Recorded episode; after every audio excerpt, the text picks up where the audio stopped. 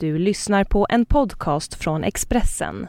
Fler poddar hittar du på expressen.se podcast och på iTunes.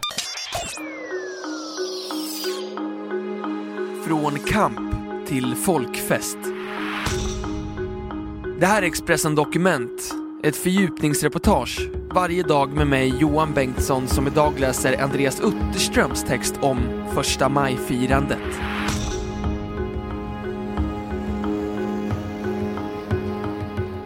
Facebook, Twitter och Instagram i all ära. Men sociala medier kan inte ersätta tusentals människor med röda fanor och arga plakat. Första maj-firandet är fortfarande en vitamininjektion för vänstern.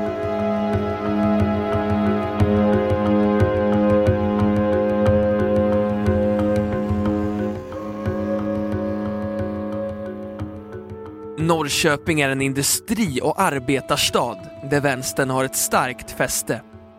Många blev därför förvånade när stadens sossar berättade att de skulle slopa det traditionella första maj-tåget.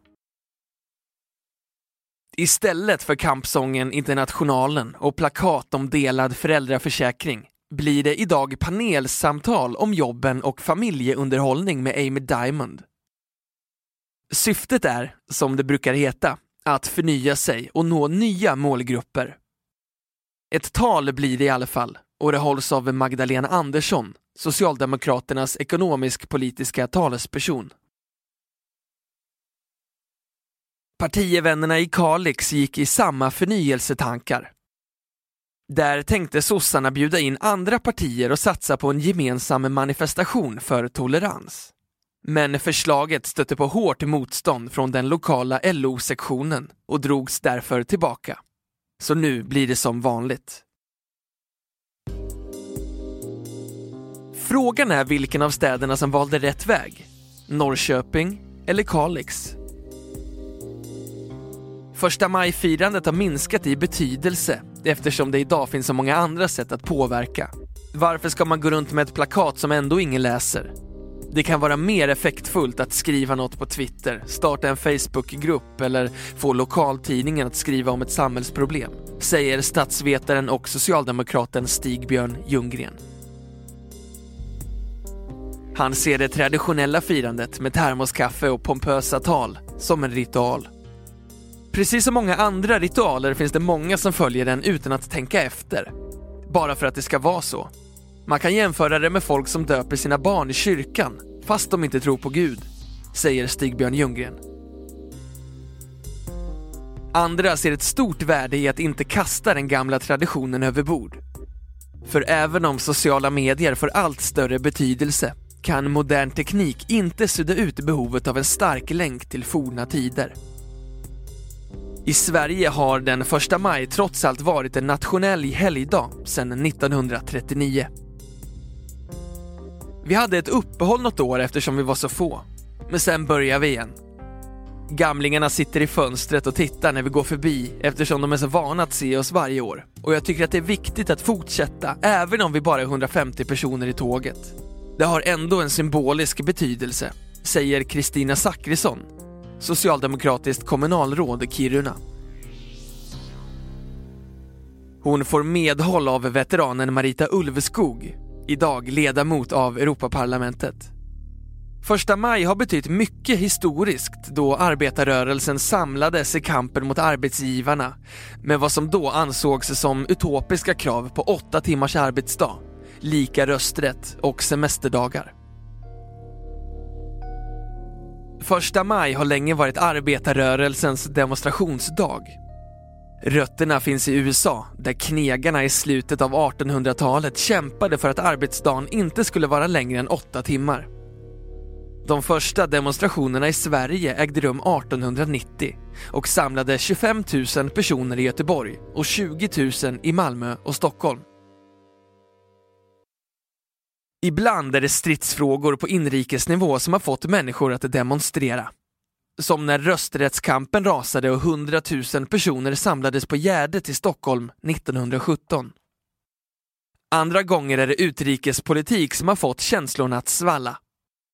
Som när 75 000 personer kom till Norra Bantorget i Stockholm 1975 för att fira att Vietnamkriget just upphört.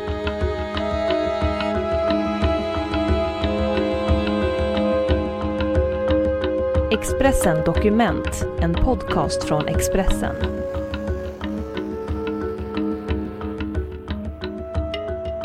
Med tiden har första maj blivit en allt mer barnvänlig tillställning. Det är inte bara slagorden som är viktiga, utan även folkfesten. De senaste åren är det heller inte bara politiker som har stått i talarstolarna, utan även kändisar som Camilla Henemark, Paolo Roberto och Henrik Rydström. Oavsett vilka som varit drag i plåster har den visuella kommunikationen alltid varit viktig. Plakat med budskap som makt åt löntagarna, vi vill ha arbete, inte bidrag, eller ge Reinfeldt en bögspark ut ur Rosenbad, har fungerat som en politisk termometer. Genom tidningarnas alltså och tv-kamerornas bilder på Per Albin Hansson, Tage Erlander och Olof Palme har vänstern skickat ett budskap om styrka och sammanhållning till sina politiska motståndare. Inget ger en politiker samma tyngd som bilder där hon eller han talar inför tiotusentals människor. Det kan ingen Facebookgrupp i världen ändra på. När Sten Andersson, docent i historia vid Linköpings universitet, studerade arbetarrörelsen noterade han hur viktigt det alltid har varit att understryka hur många som deltagit i demonstrationerna. Man har nog medvetet överdrivit siffrorna ibland. Ingen har ju på ett seriöst sätt kunnat räkna 20 000 människor på ett torg, säger han. Under andra världskriget hände det att de röda fanorna slopades till förmån för svenska flaggor och att företrädare för högern bjöds in i manifestationer för neutralitet och fred. Annars har de politiska motståndarna varit förpassade till läktaren. Man visste att de skulle kritisera, skälla och angripa. Men som partiledare var jag van vid att folk var arga. Det var en del av jobbet, säger Ulf Adelsson som var partiledare för Moderaterna mellan 1981 och 1986. Han brukade tillbringa den första maj på sitt sommarställe och se inslagen på tv-nyheterna på kvällen. Även om talarna sällan sa någonting som Ulf Adelsson höll med om kunde han imponeras över att framförallt Socialdemokraterna år efter år, oavsett väder, kunde samla så många människor. Något år ville några av mina partikamrater också demonstrera på första maj, men det tyckte jag var fel. Man ska respektera att det här är vänsterns dag, säger Ulf Adelsson. Men Mikael Oskarsson, riksdagsledamot för Kristdemokraterna, fick nog. Han retade sig på vänsterns första maj-monopol och bestämde sig 2005 för att tillsammans med partikamraterna anlägga moteld i hemstaden Uppsala. Oskarsson anordnade ett tåg där syftet var att lyfta fram familjens betydelse, en av Kristdemokraternas hjärtefrågor. Första året var jag lite nervös, men det kom nästan tusen personer. Andra högerpolitiker tyckte att det var modigt. Vänstern har inte direkt gjort vågen, men nu accepterar de att även vita plats här i Uppsala den första maj, säger Mikael Oskarsson.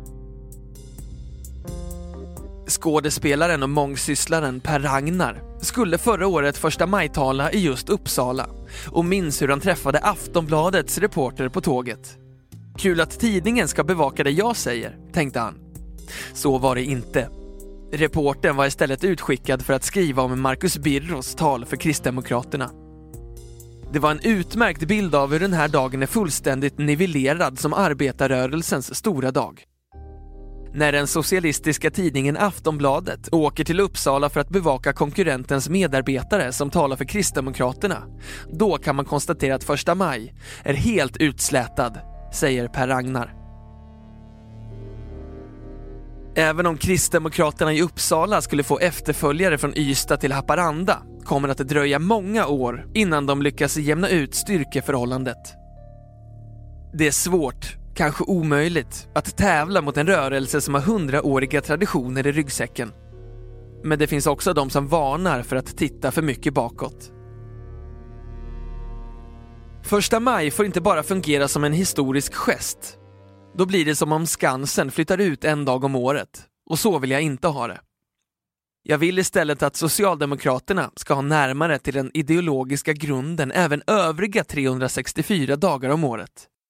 Första maj är dagen då ledningen måste knäböja inför rörelsen, säger Daniel Suonen, chef och verksamhetsledare på den fackliga tankesmedjan Katalys. I år är han, liksom många andra, extra nyfiken på vad Stefan Löfven kommer att säga i Malmö.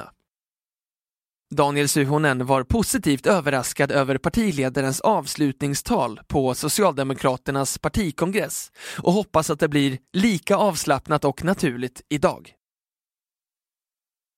Då var Stefan Löfven fantastiskt bra. Han är mindre bra när han ska vara statsmannalik, samma problem som Mona Sahlin hade. Jag tror att man blir en bra talare när man är sig själv och inte försöker passa in i en färdig mall.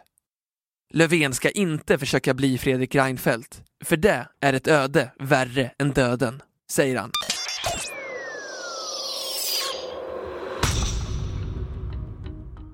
Du har hört Expressen Dokument, ett fördjupningsreportage om första maj-firandet av Andreas Utterström som jag, Johan Bengtsson, har läst upp.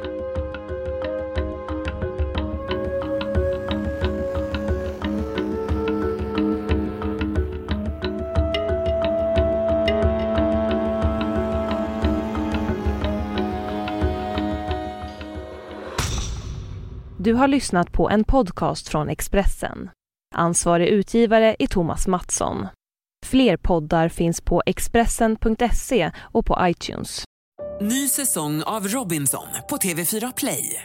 Hetta, storm, hunger. Det har hela tiden varit en kamp. Nu är det blod och tårar. Fan händer just nu. Det. är Detta är inte okej. Robinson 2024, nu fucking kör vi! Streama söndag på TV4 Play.